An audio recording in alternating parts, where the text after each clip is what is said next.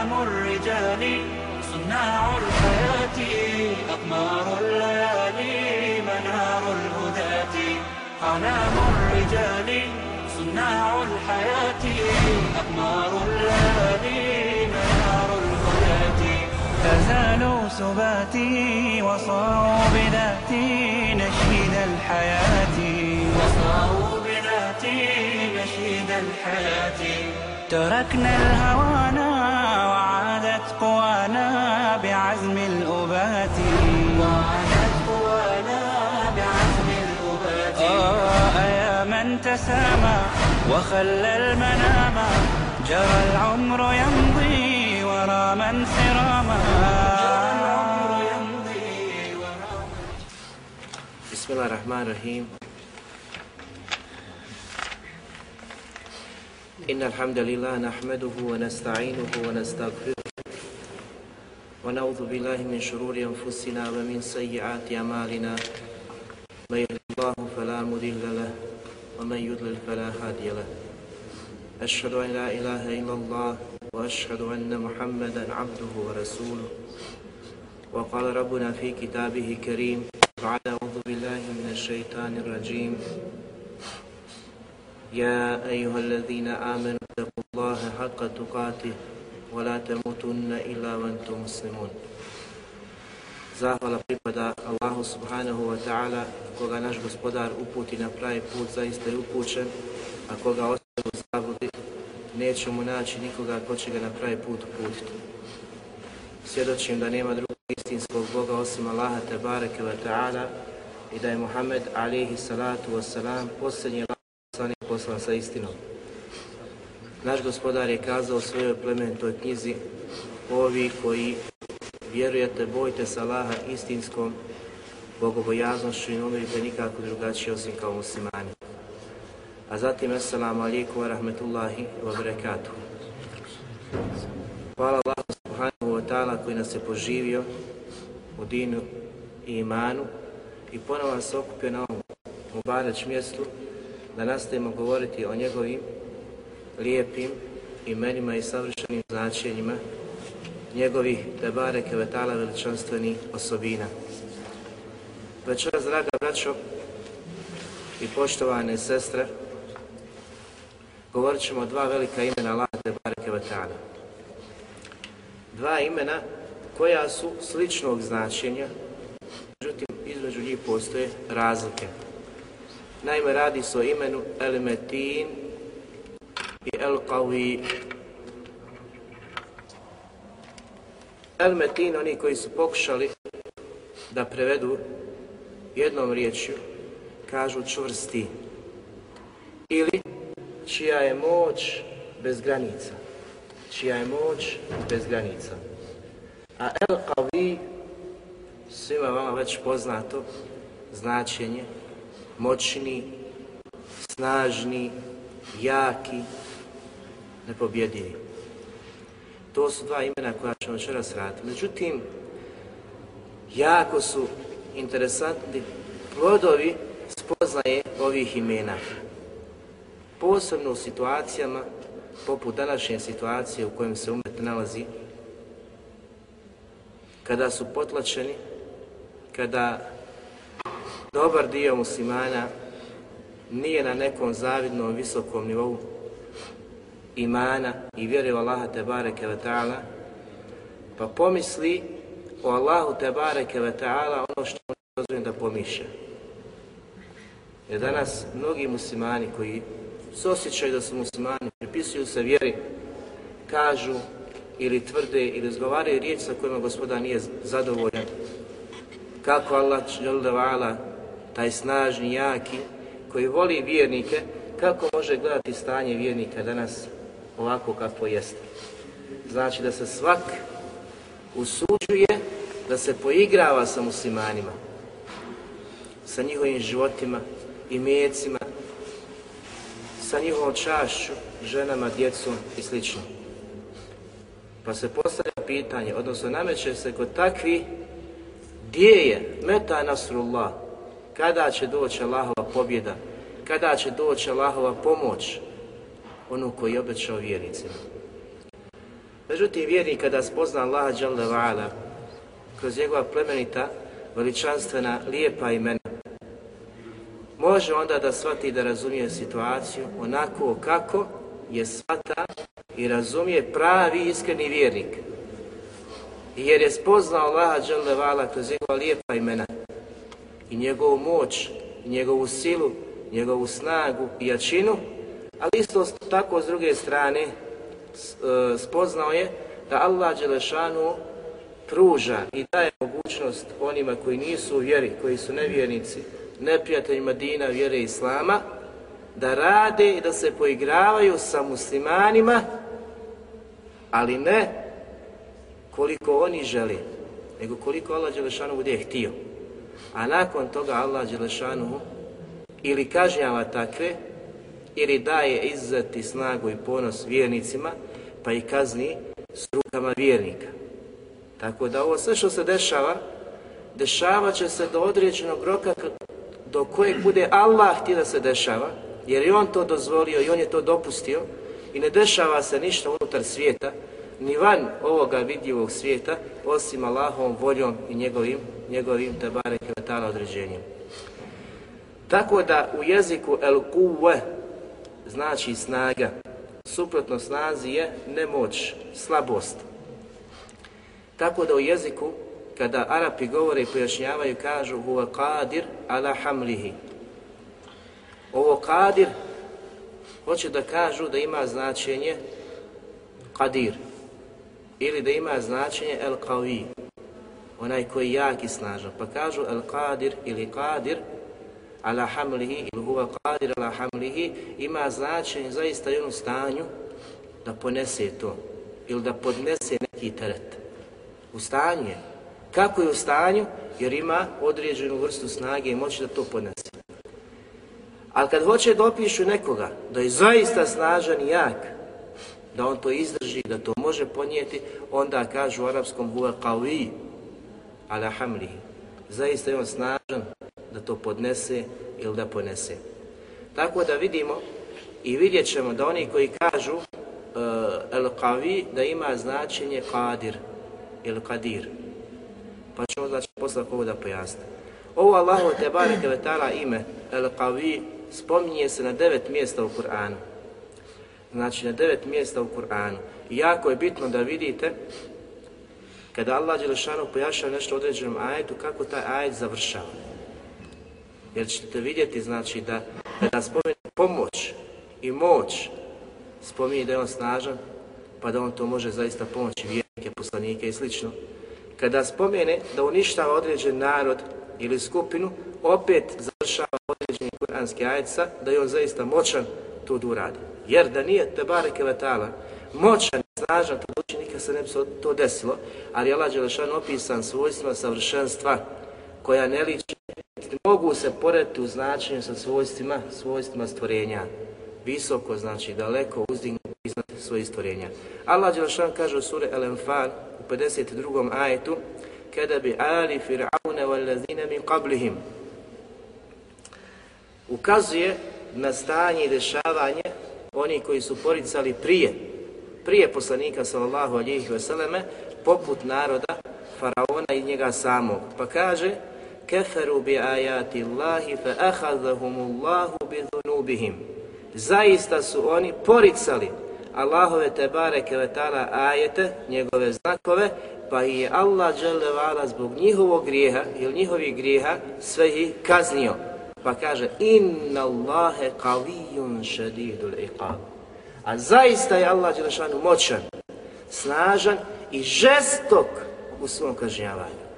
Znači, kada je Allah Đelešanu kaznio zbog njihovog poricanja, to nije bilo na jedan jednostavan način, bili i prošli, nego kazna koju je Allah Tebareke Vetala je spustio, odnosno koju je spustio, opisuje da je to šedid, šedidul iqab. Da je on zaista u svom kažnjavanju znači jako žestok, odnosno neopisivo Što može pisati, niti zamisliti kakva je, znači, Allahova te barek metala kazna u tom trenutku strašna, strašna i jaka. Odnosno što može samo pročitati kroz tekstove, a da osjeti ne, osjeti mogu samo oni koji su je doživjeli tu kaznu. Zatim, u suri Hud u 66. majtu Allah Đelšanu kaže Pogledajte sad znači o čemu govori pa kako završava. فَلَمَّا جَاءَ أَمْرُنَا نَجَّيْنَا صَالِحًا وَالَّذِينَ آمَنُوا مَعَهُ birahmeti minna wa min khizi yawma idhin inna rabbeke huvel qavijul aziz. Govori Allah Đelšanuhu o detaljima i trenucima kada je sačuvao i spasio svoga poslanika Saliha. Pa kaže, kada smo ga spasili, znači u tom trenutku, u tom teškom danu, od strašne kazne, Saliha i sve one koji su vjerovali zajedno skupa s njim. Što znači da Allah Đelšanu spašava i izuzetkom čini vjernike iskreno, to ćemo vidjeti iz plodova, spoznaj ovih imena. Saliha i one koji su vjerovali, kaže, od strašne kazne, u tom danu bi rahmeti minna, našom milošću. Kroz našu milost, ili preko naše milosti smo i mi spasili. Zatim kaže, inna rabbeke huval qaviju el aziz. A zaista je tvoj gospodar, inna rabbek, tvoj gospodar, moj, tvoj svači, zaista je on snažni i silni, el aziz. Znači onaj koji je snažan, koji je silan, zaista je u stanju u trenucima kada spušta kaznu, jednu skupinu sačuvati i spasiti, a drugu skupinu znači uništiti. Ne znači da se desi da svi budu uništeni. Nego Allah ako bude htio, Allah ako hoće da nekoga spasi, da sačuva, on ga može spasti, a ostale znači uništi kazni kako došlo u kuranskim ajetima. Zatim u suri El Hajj u 40. ajetu Allah čovjek kaže وَلَيَنْسُرَنَّ اللَّهُ مَنْ يَنْسُرُهُ Zaista će Allah pomoći one koji pomažu njega. Allahovo obećanje da će pomoći svakog onoga koji pomogne, pomogne njega. Pa završava Kur'anski ajet pa kaže Inna Allahe laqaviyyun aziz. I zaista je Allah Đelešanuhu jaki, moćni, snažni i silni. Znači taj snažni gospodar koji je tvoj gospodar, on daje obećanje i obećava da će te pomoći onoga trenutka kad ti pomogneš njega. A pomoći Allaha Đelešanu možeš kako kada pomogneš njegovu vjeru. Kada se budeš borio za njegovu vjeru i ne budeš dozvolio da se njegova vjera gazi i da se udara, omalovažava i sve slično, znači što? Udara na znači, našu uzvišenu vjeru koja je došla od Allaha te wa ta'ala. Zatim Allah Đelešanu kaže u istoj suri u 73. ajetu Ma kadaru Allahe haqqa kadri. Oni Allaha Đelešanu nisu spoznali istinskom spoznajom. Pa završava pa kaže Inna Allahe lekaviyyun aziz. A zaista je Allah Đelešanu moćni i silni. Koga nije spoznao? Svaki onaj koji ga je negirao, svaki onaj koji griješi, koji griješi, koji ga nije spoznao, koji poriče, koji se uzdiže, koji se oholi, kiburi nad propisima Allaha te bareke vetala, nad vjernicima, nad poslanicima, kada psuje i vrijeđa din ili dijelove propise određene dina. Takvi nisu Allaha spoznali, jer Allah što kada kaže da je silni, da je snažni moćni i da On u isto vrijeme žestoko kažnjava. Onaj koji je spoznao silnog, moćnog, snažnog, koji žestoko kažnjava, boji se da uradi nešto sa čim gospodar Tebare Kvetara nije zadovoljan. Zatim Allah Đelšanu kaže u suri Šura u 19. ajetu Allahu latifum bi ibadi. Zaista je Allah Đelešanuhu blag prema svojim robovima. Pa nastavlja jerzuku me ješa. I on obskrbu daje onome kome on te bareke vetala hoće. I na kraju završava Kur'anski ajet pa kaže huwa al aziz. A on je snažni i silni. On je moćan. On je kadir da obskrbu da. On je moćan. I on je u isto vrijeme, znači, kako je e, blag prema svojim robovima, na početku kako ti ukazuje, nemoj da pomisliš da će te pust da radiš šta hoćeš. Do roka određeno. Blag je prema tebi. Ako si dobar, svoju blagost prema tebi povećava. Ako nisi dobar, opet je blag prema tebi jer te je poživio. Živiš danas, živiš sutra, određen mjesec, odnosno daje ti u tim danima šansu da mu se vratiš. Ako ne iskoristiš šansu, a melek smrti dođe i pretekne, onda se nemaš čemu više nadati, jer je on El snažni i silni i snažan je i silan je u svom kažnjavanju svih nepokornih. Zatim Allah Đelešanu kaže Ketebe Allahu la aglibenne ene rusuli. Allah je propisao, Allah je odredio da će On biti taj koji će biti pobjednik, koji će pobijediti i njegovi poslanici. Njegovi, znači izaslanici koji su poslani od strane njega. Pa završava pa kaže Inna Allahe kavijun aziz. Pogledajte, gotovo u svakom majetu je došlo kavijun aziz. Zaista je Allah Đelšanu moćni i zaista je On taj koji je silan, koji je silan. Ovo je, znači, nekoliko mjesta u kojima se spominje Allahove te bareke ime El Qavi. Allahovo ime El Metin se spominje samo na jednom mjestu u Kur'anu. Znači, samo na jednom mjestu. Allah Đelešanu kaže u suri Zariyat u 58. majetu Inna Allahe huwa razzaku dhul kuvatil metin. Zaista je Allah Đelešanu taj koji je obskrbitelj, koji risk i obskrbu daje i on je dhul kuvatil metin, koji je snažni i jaki. Ovdje je došlo svojstvo, svojstvo snage opisano dhul kuva i Allahovo ime El Metin. Znači koji je snažan i koji je jak. El Metin kažemo da su sličnog značenja, vidjet ćemo šta su kazali učenjaci. Ibn Đarir, rahimahullah, kada govori o Allahom te barike tala imenu El Qavi, kaže Allah je El Qavi, moćni, nepobjedivi, pa kaže njegov kader, odredba koja se spušta, niko nije u stanju da to spriječi. Allah što kad nešto odredi, da se desi, nema toga od stvorenja, niti postoji neko ko se može tome suprostaviti. Ko može to spriječiti? Znači da se dešava sve onako kako on subhanahu wa ta'ala hoće. Zatim kaže, njegova odredba dostiže do svega onoga što on želi da dođe, da dospije.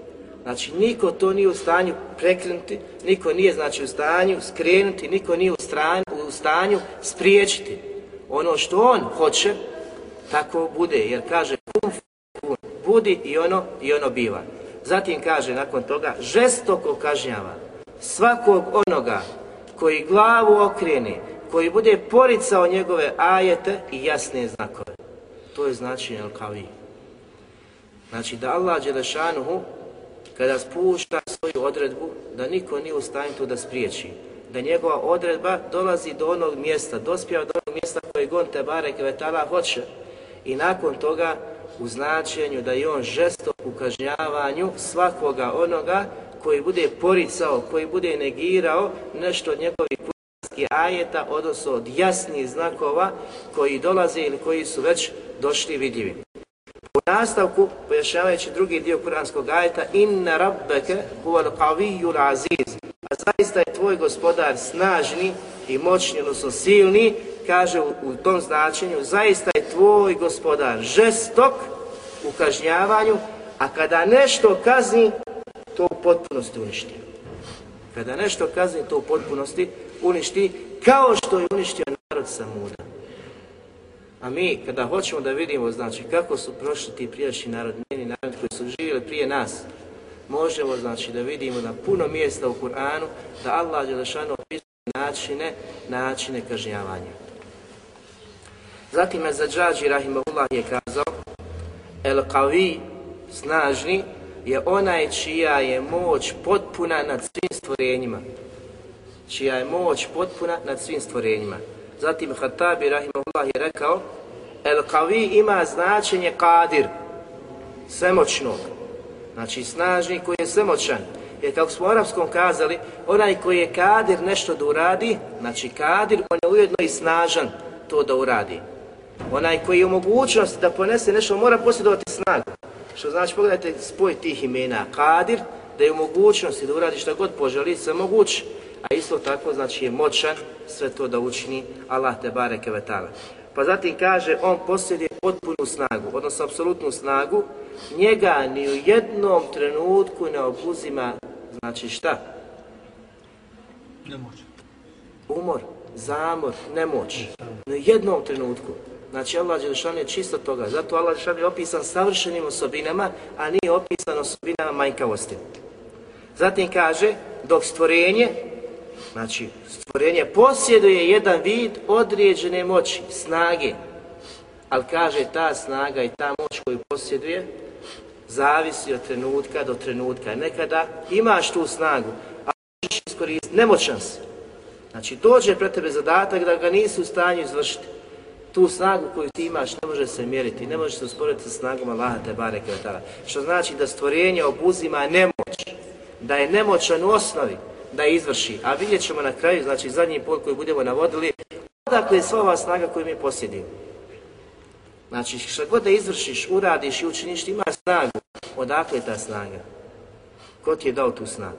Zatim Ibn Kesir Rahimahullah kaže Inna Allahe avijun šadidul iqab Zaista je Allah Đelešanuhu moćni i koji žestoko kažnjava, kaže niko nije u stanju da ga pobjedi, niti neko može od njega pobjeći. Znači kada Allah odredi, povezujte malo, znači Ibn Želji kada govori njegov kadr, kada odredbu spusti, Znači ona dospijeva i dostiže do svakog mjesta gdje on poželi da dođe. A Ibn Kesir kaže da je on taj moćni koji je nepobjediv, nikoga ne može pobijediti, ali u isto vrijeme niti može neko od njega pobjeći, što znači kada odluči da nekoga kazni, ta će ga kazna stići. Ne može umaći. Niti znači na niti na zemlji, niti u zemlji, niti u nebu. Kada Allah Đelešanu odluči nekoga da kazni. Što se tiče imena Al-Metin, Ibn Kutejbe rahimahullah je kazao za ime El-Metin, to je onaj koji je snažan i moćan. Pa vidimo znači da imaju slično značenje, slično značenje. Zatim Ezdađađi rahimahullah je kazao, onaj koji je dostigao vrhunac snage i moći. Znači onaj koji posjeduje vrhunac snage i moći. Nema neke moći i snage iznad te snage. Niti neko se može mjeriti i da se usporedi sa snagom Allaha te bareke vetala njegovom savršenom moći. Zatim Hatabi kaže El Metin, onaj koji je snagan i moćan, čija snaga nikada, niti u jednom trenutku ne prestaje. Uvijek je pri njemu, nikada znači ne nestaje. Nikada ne, ti danas imaš određen vid moći na početku, posebno kad radiš utarnjim satima, braća koja rade, znači on je marljiv do 12, a posle 12 se već popušta, popušta. Tamo iste radnog vremena on je već, daj samo da li. Znači Allah Đelešanu nikada, ni u jednom trenutku njegova snaga ga ne napušta, niti znači osjeća umor i zamor. Pa zatim nakon toga kaže onaj kojeg u njegovim dijelima, njegovim radnjama, postupcima ne obuzima ni zamor, ni umor. Znači sve što je Allah Đelešanu stvorio i kada je stvarao nebesa i zemlju, čovjek kada malo promisli i razmisli o veličini nebesa i zemlje. Allah Đelešanu silni moćni kada je to sve stvorio, nije znači umorio dok ga židovi opisuju da se umorio. Šest dana je znači stvarao, nakon toga je sjeo i odmorio se neozubila. Opisuju ga znači tim svojstvom majkavosti koje Allahu te bare koje tala ne priliči niti mu, niti mu dolikuje. Šta su tragovi spoznaje ovih imena? Metin i El Qawi. Prvi znači trag spoznaje imana u našim srcima koje bi trebalo znači da se desi, jeste da čovjek prizna da apsolutna snaga moć pripada Allahu subhanahu, subhanahu wa ta'ala koji nema ni u kom slučaju sudruga, nikomu rava nije. On je jedini, znači, koji je najsnažniji, najmoćniji i koji upravlja svim onim što je on te bareke vetala stvorio. On je taj koji uzvisuje koga hoće. Unizuje koga hoće. A koga Allah Đelšan učini snažnim, zaista je snažan. A koga učini poniznim, slabim, on je slabaša, makar on izgledao, makar on pričao da je snažan, da je jak. Allah što kada nekoga ponizi, on ostaje ponižen. Kada nekoga uzvisi, on ostaje znači uzvišen. Do njegove smrti i nakon njegove smrti njegovo spominjanje, spominjanje se prenosi. Pogledajte šta je poslanik sallallahu alihi veseleme proučio kada je ušao u Meku. A ovakvu istu dovu je proučio iz događaja na uh, bitka na Hendeku koju ćemo spomenuti. U hadisu, znači mnogih predaja stoji da je poslanik sallallahu alihi wasallam posle obraćanja na hudbi kazao Mekki La ilaha illa Allahu wahde Nema istinskog Boga koji je zaslužan da bude obožavan osim Allah jedini u Mekki nakon oslobođenja Mekke, poslanik sallallahu alihi wasallam izgovara ove riječi. Zatim kaže, sadaka wa'de. Zaista je Allah Đelešanuhu obistinio svoje obećanje koje je obećao poslaniku sallahu alijih veseleme i vjernicima da će ih pomoći, da će im dati pomoć, da će im dati osvojenje Mekke i to se obistinilo. Zatim nakon toga kaže nasare abde i on je svoga roba pomogao.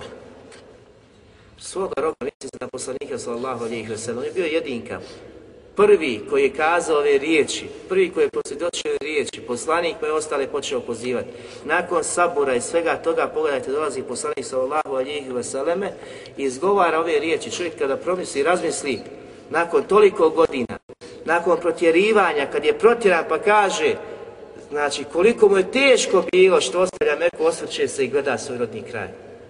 13 godina, znači tu, ustrajnost na pravom putu, poniženja, protjerivanja, svakakvih riječi koje smo ukazivali, ali je poslanik sa ih sebe saburao. Zatim, zatim odnosno određen dio godina ponovo u Medini, pa se vraća da izgovori ove riječi, što znači nakon sabura, ustrajnosti, Allah Đelšan će te počastiti onim obećanjem koje ti je dao, koje ti je obećao. I na kraju kaže poslanik وَهَزَمَ الْأَحْزَابَ وَحْدَ kada kaže, on je svoje obećanje ispunio, svoga roba pomogao i zaista je on sam sve saveznike uništio. Sve saveznike pobjedio. Vraća da nije poslanik taj koji je pobjedio, nisu sahabi koji su pobjedili, ma koliko je nama u našim očima izgledali snažni, veliki, jel? Neustrašivi i hrabri, Allah Đelešanu je sve znači uništio sam i to poslanik sallallahu alihi wasallam priznaje i potvrđuje. Znači neka mi smo pobijedili, pogledajte kako su snažni, što su oni uradili, nakon toga dolazimo sa 10.000 boraca. Nije nego, znači poslanik sallahu alihi wasallam, znači je bio ponizni Allahu te bareke vatala rob, a imao je pravo da kaže kao poslanik, kao vođa, ono što danas koji nisu ni vođe, ni predstavnici, znači tvrde i zagovaraju da su neko i nešto. Međutim, kada pogledam onaj koji je zaista mogao i koji je trebao to da kaže, nije govorio tako, nego je to sve vraćao i pripisivao Allahu te bareke ve ta'ala, jer zaista la havle kuvvete illa bila snaga, moć, koliko god čovjek ima to osjeća kod sebe, to nije od njega, to je sve od Allaha Đelšanu. Istinska moć i snaga, znači ne postoji osim one snage i moći kod Allaha te bareke, te bareke ve ta'ala. Zatim drugi plus poznaje ovih imena jest da je istinski pomagač poslanika, poslanika i svih njihovih sljedbenika Allah te bareke ve ta'ala. Znači onaj koji te može pomoći, koji te može uzvijesti, koji, te može, koji ti može otkloniti bilo kakvu nedaću, sve što te je okupiralo, sve što se je spustilo problema, on je jedini taj koji ti može pomoći put onaj spasa, ukazati i pokazati. Zašto je Allah Đelešanu istinski pomagač poslanika i njihovih sedbenika? Zato što su poslanici, draga braću, kako smo kazali u kuranskom ajetu, ako Allaha pomogne, to on će pomoći vas. Oni su pomogli Allaha Đelešanu riječima. Riječima. Pomogli su ga, znači, dijelima. Riječima kada posvjedočiš. I srcima isto tako, jer u srcu, od srca polazi. Zatim riječima i dijelima. Pa je Allah Đelešanu pomogao njih. Znači, nije dovoljno se posjetiti i govoriti nešto, nego moraš i raditi, moraš biti aktivan na polju širenja pomaganja Allahu te bareke ve taala vjere. Allah dželešanu kaže: "Wala yansuranna Allahu man yansuru." Zaista će Allah dželešanu pomoći svakog onoga ko pomogne njega. Inna Allahe laqawiyyun aziz. A on je moćni i silni. Znači zaista je on moćan, snažan te pomogne. Niko te drugi ne može pomoći, jer je on najsnažniji. Ali ako ti njega pomogneš, ako ti pomogneš njegovu vjeru, njegove propise, njegovog poslanika sallallahu alihi veselem, ako ti ne samo da pomogneš u smislu kada neko neko kaže protiv vjere Allaha i poslanika, ne Habibi, nego prvo ti sprovedeš to u praksu, da se zoveš Allahovom pozivu, njegovim propisima u potpunosti koliko su mogućnosti, nakon toga da boriš se za širenje njegove vjere, pa kad čuješ da se njegova vjera narušava, da se protiv njegove, da se suprostaviš tome, koliko, si, koliko su mogućnosti. Zatim Allah Đelešanu kaže u suri Safat, وَلَقَدْ سَبَقَتْ كَلِمَتُنَا لِبَادِنَ الْمُرْسَلِينَ Zaista je naše obećanje dato još davno prije za sve naše izaslanike. Koje je to obećanje? Innahum lahumul, lahumul mansurun. Zaista će oni biti potpomognuti. Zaista će oni biti pobjednici. koje će doći od strane Allaha Đelešanuhu, pa zatim kaže inna jundana lahumul galibun. A zaista će naša vojska biti ta koja će pobijeti. Naša vojska, znači Allah Đelešanuhu je dao obećanje još davno prije da će pomoći vjerovjesnike, pomoći svojih zaslanike, da će oni biti ti pobjednici, da nikada poraza neće doživjeti onoga pravog poraza, jer će uvijek izaći kao pobjednici i nakon toga da će njegova vojska, njegova znači vojska, iskrena vojska biti ta koja će, koja će pobijediti. Zatim kaže Allah Đelešanu suri Muđadele, Allahu la'aglibenne ene va rusuli. Allah je davno propisao da će pobijediti on i njegovi poslanici. Zatim kaže nakon toga inna Allahe qavijun aziz. Zaista je Allah moćni i silni. Što znači da Allah Đelšan daje obećanje da će njegovi vjerovjesnici, njegovi zaslanici, njegovi poslanici biti pomognuti od strane Allaha Đelešana, da će uvijek osjećati tu e, pomoć od strane Allaha Đelešana, ne samo oni, nego i oni koji budu slijedili poslanike. Znači, ako budeš na stazi poslanika sallahu alihi wasallam, imat ćeš ovog udjela. Imat ćeš ovog udjela, znači da će Allah pomoći i biti na tvojoj strani. S druge strane, u prvom majtu, ako pomogneš Allaha bilo kojim vidom, znači pomaganje njegove vjere, isto tako možeš očekivati od snažnog i moćnog da će on tebe ako voda, ako voda pomoći. Imamo primjer, znači, šta se desilo na Hendeku. Čak čitava sura u Kur'anu govori o Hendeku. Sura koja? Znači sura El Ahzab, saveznici. Znači ko želi, trebao bi pročitati ili u, u siri poslanika sallahu alijih veseleme, šta je proteklo, šta je povod bio, šta se je sve dešavalo, da vidite znači silnog, moćnog, snažnog, kako pomaže i svog roba i one koji su zaista bili pravi iskreni vjernici uz njega. Mi ćemo ovdje samo ukratko kazati, jer trebaju predavanje na tu temu. Znači, ovaj hendek, kako je poznato, u siri poslanika sallallahu alihi wa sallam kuranskom kaziranju se desilo po najispravnijem mišljenju pete godine po hijđri. Kada su jednili svi mušnici tada, svi mušnici tada, svi nevjernici, mnogobošci, sa jasnim ciljem i odlukom da unište poslanika u potpunosti. Da unište. Ne znači da idu na prijepad, da idu znači da malo napad pa da se vrate. Idu definitivno da unište i da spale Medinu. Kompletnu Medinu u kojoj je znači poslanik sallahu alihi wasallam učinio hijđru. Odlučili su znači takav veliki plan su donijeli, su okupili znači u hiljadama i krenuli, krenuli na Medinu.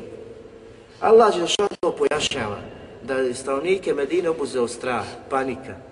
Znači, toliko je krupna stvar bila da su stanovnici Medine se prepali, posebno nejači.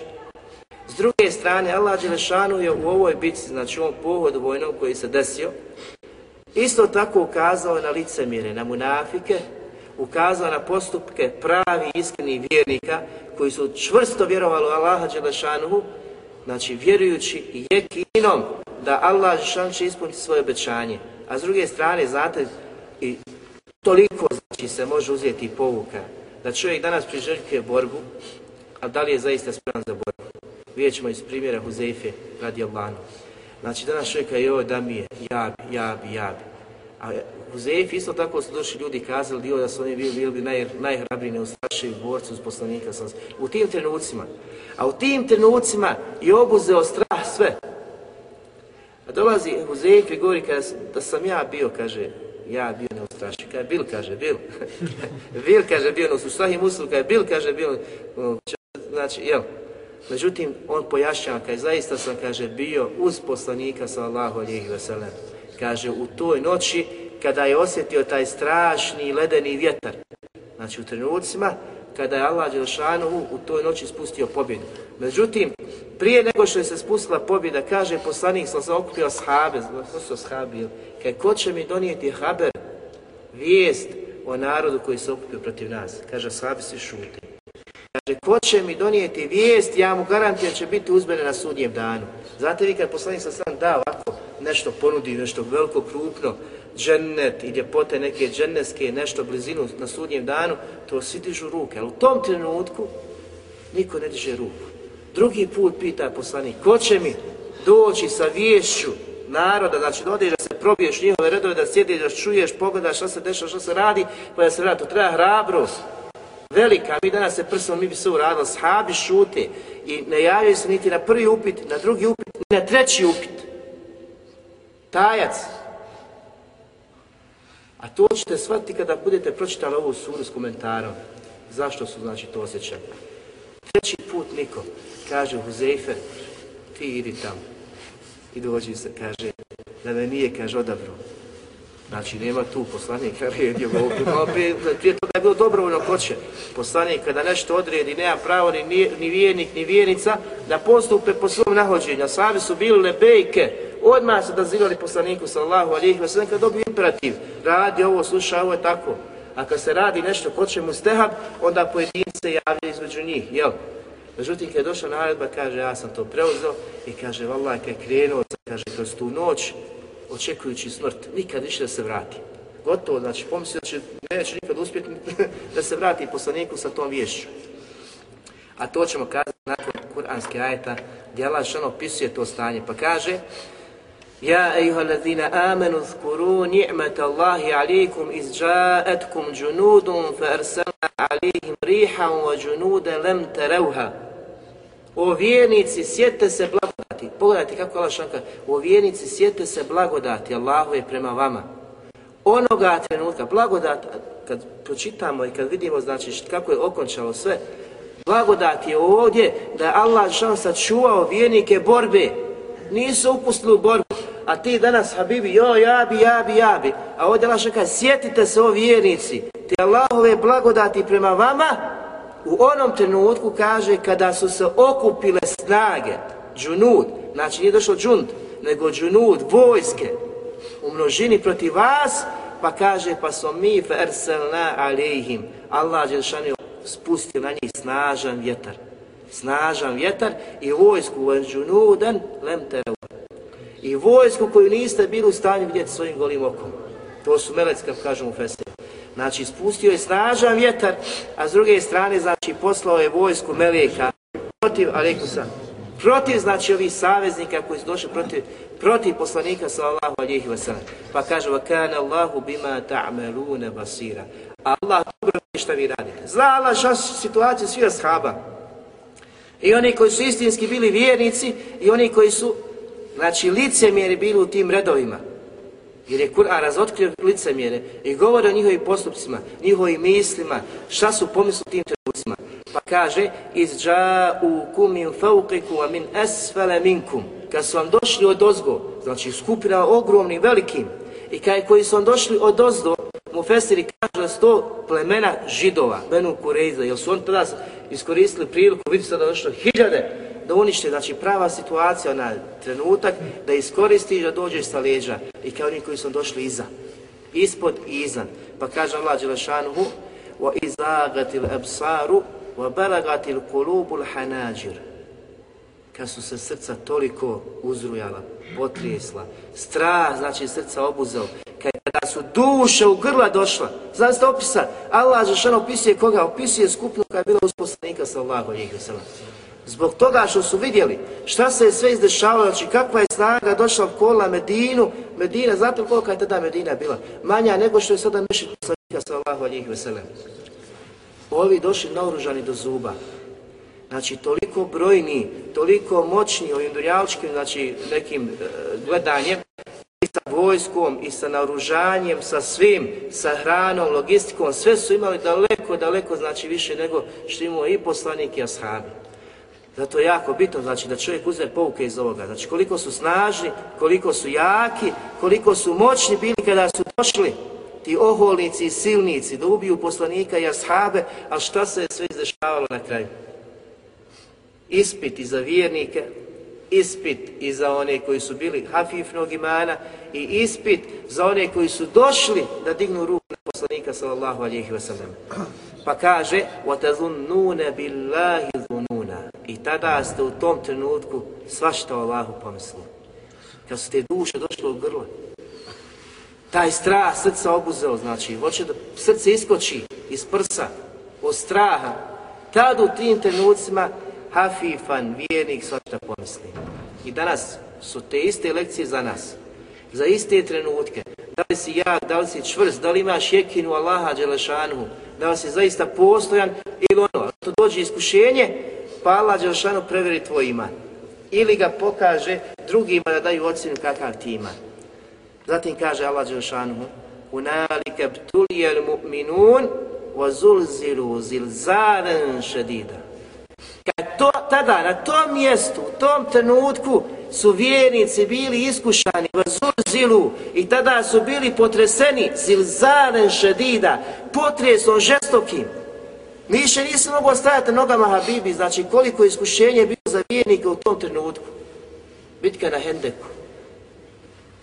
Čovjek kada čita Kur'an, kada vidi hadise poslanika sallallahu alejhi ve sellem, desilo se te te godine, ovo preko toga da razmišljaš. Znači, kroz šta su prošli ashabi poslanika sallallahu alejhi ve sellem u tom trenutku. I šta Allah dželle nakon toga daje? Znači, ovo je bio opis stanja muslimana u tim trenucima. Zato odlazi ovaj ashab Huzeife među njih uviđa kakvo je stanje. Ali kaže poslanik, nastavljeno hadis, kaže poslanik sallallahu ali upamti kad dođeš tamo, nemoj slučajno da uradiš nešto što će još više razljuti protiv nas. Ovdje su lekcije Habibi za tebe za mene. Nemoj da radiš glupost. Što će prouzrokat propast muslimanima. Ili što će povećati odbojnost i neprijateljstvo drugih prema nama. Zbog tvoje, znači, takvo, zbog tvog postupka jer si sam sebi štihadio da možeš to uraditi. Ne možeš dok ne budeš pitao učeno. Ovdje je najučeniji bio Allah poslanik sa selem. Svi su ga morali slušati. I danas, znači, učeni, kad odlučiš neku glupost da radiš ili nešto što ti misliš da je to hajr za umet, znači, poslanika sallallahu alihi vseleme, nemaš pravo da iš ti hadiš. Nemaš pravo da ja ću isprovocirati, ja ću biti organizator, ja ću biti neki povod pa će meni nagrada. A i tebi će biti i ona kazna, svi oni koji budu nakon tebe ili hapšeni, protjerivani, jetimi, žene bez muževa, sve to će tebi biti na teretu. A sutra kad izađeš pred gospodara svjetova, kako ćeš položiti za to što si ti bio sebe da se nečija krv prolije, da se ljudi toliki pozatvaraju, da nakon toga djeca nemaju šta da jedu, da žene isto tako ostaju dovice, niko se ne brine, pogledajte ovu situaciju sa braćom ovdje. Skuplja se, znači toliko mjeseci, jel, kao neka sirotinja.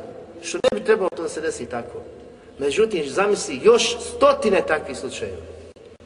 Što ti pomisliš da možeš uraditi. Kaže poslanik sallahu alijih veseleme, nemoj slučajno da uradiš nešto, a vidjet ćete kako imao šansu da uradi nešto veliko.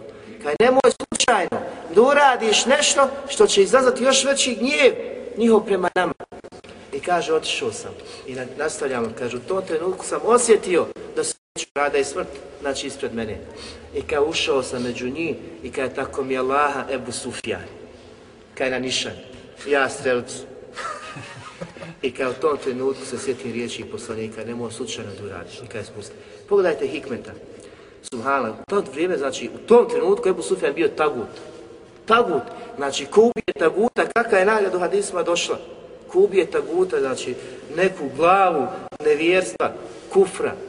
On je imao, znači, u tom trenutku da sam se da sebi u pravo, e, sad ću ga ja mašala, inšala bit, i Allah što da me nagradi konta.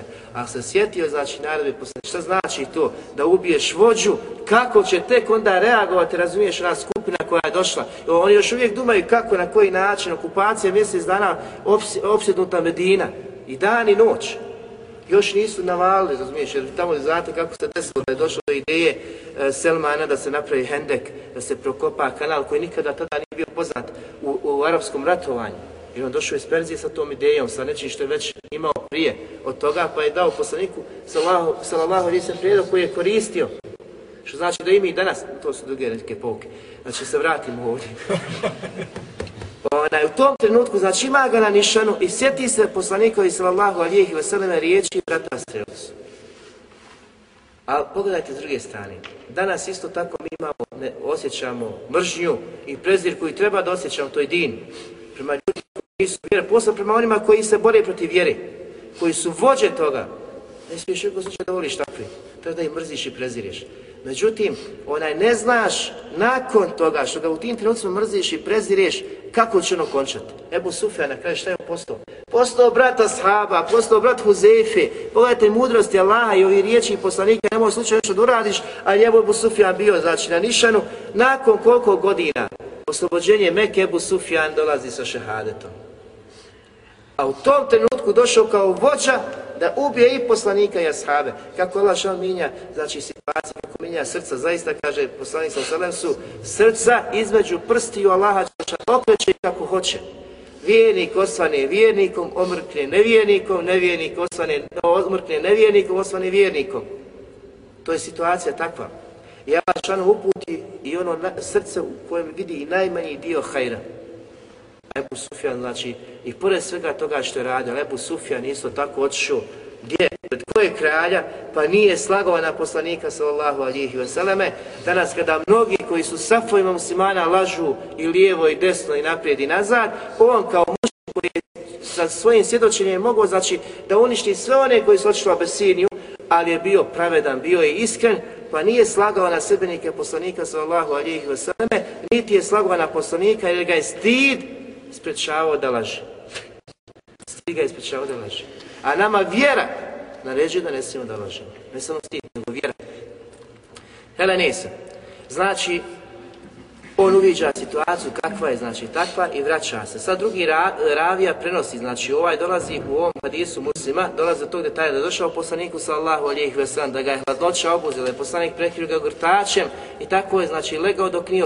U drugom nastavku tog, preko drugog uh, ravije prenosica hadisa stoji da je došao, znači kada je krenuo da napusti šator, kaže vidio sam da je u tom trenutku kad je jak vjetar zapuhao hladan i to samo u granicama gdje su oni imali svoje logore, nigdje van toga, kad je kamenje je letlo, lupalo, urlici, bijes, mr... znači sve u tom trenutku osjećao, glavamu, vrisku, izgubljenost. Allah što poslao samo vjetar unutar tih šatora, gdje su oni, okolo toga ništa, sve mirno, tiha noć. Bla, niko ne zna šta se dešava, ali Huzefe zna šta se dešava, vjerni došao u, znači, svojim okom posmatra to i on to napušta, ide, kaže, kad 20 konjenika ispred njega, umotani, kažu, i obavijesti svoga prijatelja, da je Allah ga sačuvao, kaže, da ga je Allah sačuvao od ovog naroda koji je došao. Allah spustio kaznu, Allah spustio, znači, strah, Allah dao to da se dešava. Huzefe se vraća obavještava poslanika sallallahu alihi veseleme onome što se dešava i zatim Allah Đelešanhu objavljuje ove ajte koje smo kazali Ja ejuh lezina amenu zkuru Allah. Ovi koji vjerujete, sjetite se Allahove blagodati onoga trenutka kad su došle mnoge vojske mnoge vojske da vas napadnu.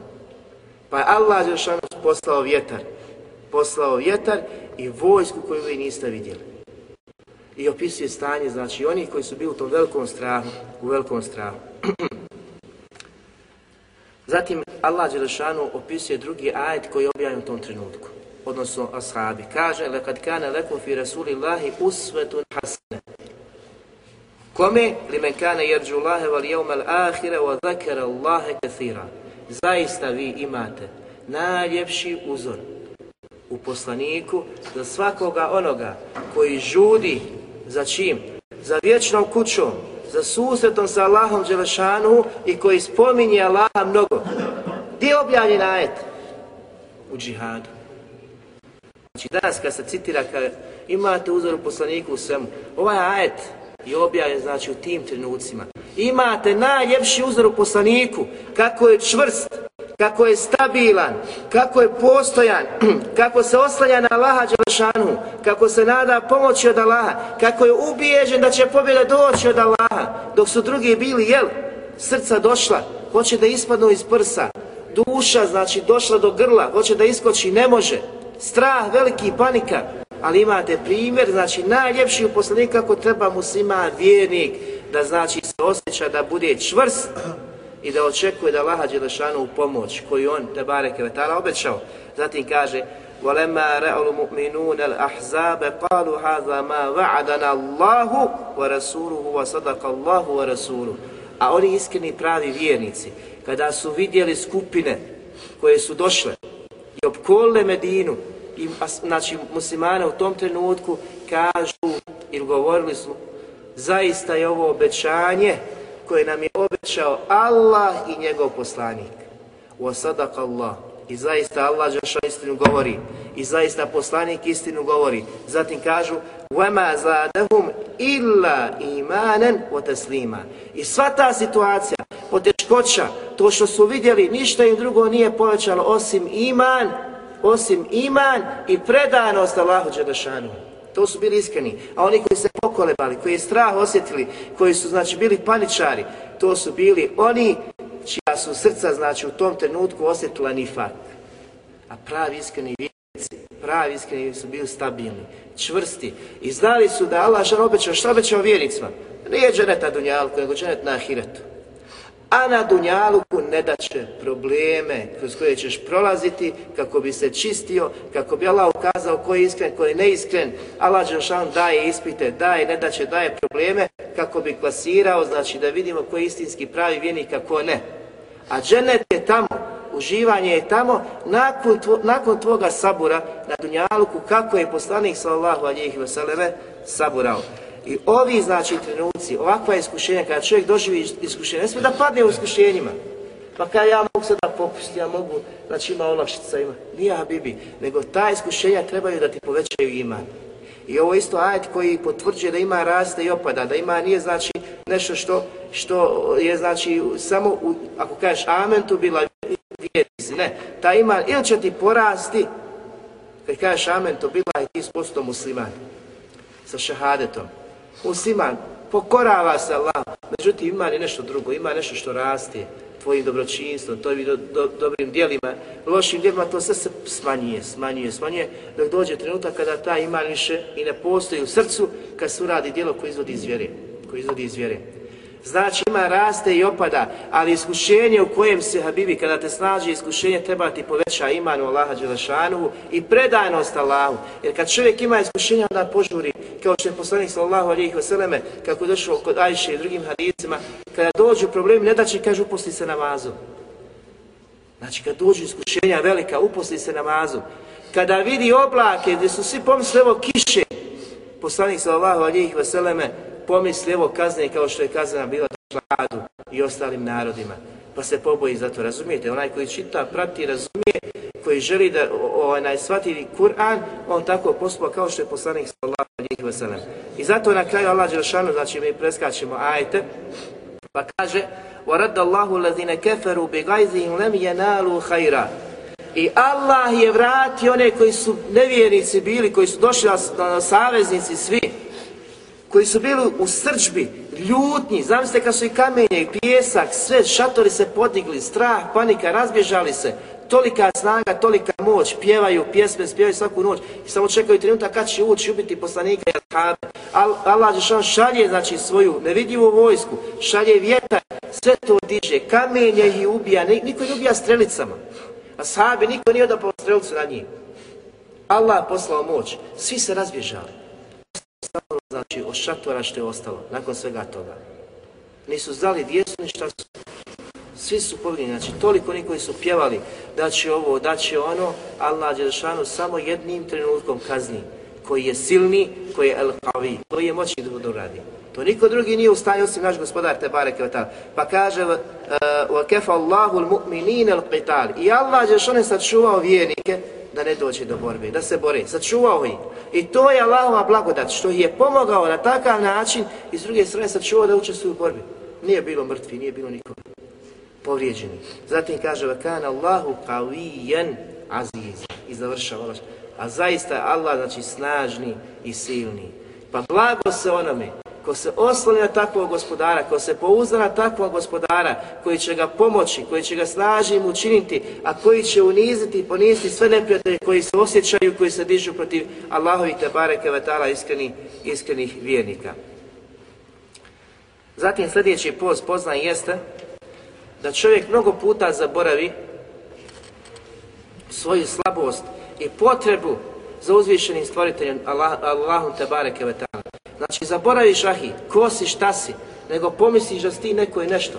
Pa se onaj, toliko uzdigneš da ponižavaš i tlačiš Allahove te bareke ve ta'ala robove, stvorenja. Pa danas vidimo da ima različitih načina kada čovjek prelazi Allahove te bareke ve ta'ala granice. Ima ljudi koji samo rade nered, znači po zemlji. Nered, znači. Gdje god se nađe, on čini nered i fesad. Imaš one koji se otvoreno bore protiv Allahove vjere i njegovih sljedbenika, znači njenih sljedbenika. Imate one koji se bore protiv poslanika sallallahu alijih vseleme. Danas vidite znači što rade, kako se smijavaju sa poslanikom sallallahu alijih vseleme. Znači razne vidove borbe, razne vidove znači zaborava i gafleta od strane mnogih. Ko su, šta su, da su nemoćni, da nisu snažni, da nisu jaki, a da je ist, znači u gafletu su prema onome koji zaista posjeduje tu istinsku snagu i moć, koji može da kazni, koji može da uništi. I niko od njih nije uzeo pouku iz naroda onih priješnjih, kako su stradali, kako je Allah Đelešanu uništio, zbog čega je uništio. Kad su glave okrenuli od onoga sa čim je dolazio jedan od poslanika ili svi poslanici, kao što je poslanik sallallahu alihi wasallam Muhammed, kad se počeli smijavati sa izaslanicima i nosiocima upute i vjere, Allah Đelešanu nakon svega toga spušta azab, spušta kaznu. Allah Đelešanu ukazuje pa kaže Evo nam je siru fil ardi fe janduru kejfe kana akibetu lezine kanu min kablihim. Zar oni ne putuju zemljom? A ovo kad putovanje, vi danas često čitate u Kur'anu, da onaj, zašto ne putujete, zašto ne vidite kako su priješnji narodi strada. Ovo je obraćanje Allaha Đelešanu svima onima koji negiraju Kur'an. Ovo nije tebi, Habibi, kao vjernik upućeno. Idi putuj po svijetu i gledaj, uživaj. Poslanik sam sam kada prolazite, plaćite, ili nemojte uopšte prolaziti po takvih mjesta gdje su prijašnji narodi znači uništeni. Ali oni koji pouku nisu uzeli, koji ima nisu osjetili, koji nisu povjerovali, zar priželjkujete, zar želite da okončate i završite kao što su oni prije vas koji su negirali, koji nisu znači se odazvali poslanicima. Idite i obiđite i vidite ta mjesta i šta ćete zateći na tim mjestima. Da li je kod njih ostao vječan? ili su samo kuće i kućice ostale koje ukazuju da je život nekada bio tu. Pa zatim kaže, kanu hum ešedde minhum kuve wa ethara. I zaista su oni bili jači i snažniji od vas i njihovi su znakovi, njihovi su kipovi ostali da posjećuju znači na njih. Allah še kako se to objašnja, pa kaže فَأَخَذَهُمُ اللَّهُ بِذُنُوبِهِمْ Pa je Allah, Đelešan, zbog njihovih grijeha sve kaznio. وَمَا كَانَ لَهُ مِنَ اللَّهِ مِنْ وَاقٍ I nije bilo nikoga ko je mogao njih sačuvati i spasati od Allahove strašne kazne. Taj moćni, silni, El Qavir Aziz, kada odluči da kazi, niko nije u stanju njegovu kaznu da spriječi. Zatim kaže Allah šanu, zalike bi ennehu. Zbog čega je kazio? Kaj, to je zbog toga bi ennehu kane ta'tihum rusuluhum bil bejinati fe keferu fe Allah. To je iz tog razloga da su i vjerovjesnici, poslanici dolazili da nosili istinu, a u svoju tu istinu negirali negirali, nisu je htjeli prihvatiti. Pa je Allah kazio innehu kavijun šadidul iqab. Zaista je on snažni koji žestoko kažnjava. Znači pogledajte svaki onaj, zato da se za svaki narod, mjesto, grad, selo, kada dođu izaslanici Allaha, kada dođu nasljednici i poslanika i učenjaci i daje i ulema, bilo ko pozove neki narod, neko mjesto, pa oni odbiju glavu okrenu, bojati se za njih da je snažni moćni koji žestoko kažnjava, znači ne kazni. I danas imamo primjera mnogo gdje znači klizište, poplava, zemljotres, sve se dešava oko nas, samo nema onih koji pouku, pouku uzimaju. Zatim Allah Đelšanu kaže za narod Huda فَأَمَّا آدُمْ فَاسْتَكْبَرُوا فِي الْأَرْضِ بِغَيْرِ الْحَقِّ وَقَالُوا مَنْ أَشَدُّ مِنَّا قُوَّةً Što se tiče, kaže, naroda Ada, Hudovog naroda, Kaže, zaista su se uz oholili zemlje. Postali su silnici, oholnici. Festekberu. Pa su govorili riječi koje nisu prije njih drugi govorili. Ima li neko da je jači od nas? Ima li neko da je snažniji od nas? Pa kaže, evo nam jarav anna Allahe lazi halakahum. Zar oni ne vide da je Allah Žešanu koji je stvorio, stvorite njihov, kuve ešeddu minhum kuve, da je on jači i žešći i snažniji i moćni od njih i njihove snage koju posjeduju. وَكَانُوا بِآيَاتِنَا يَجْحَدُونَ oni su bili u isto vrijeme ti koji su negirali Allahove te bareke ve ta'ala ajete.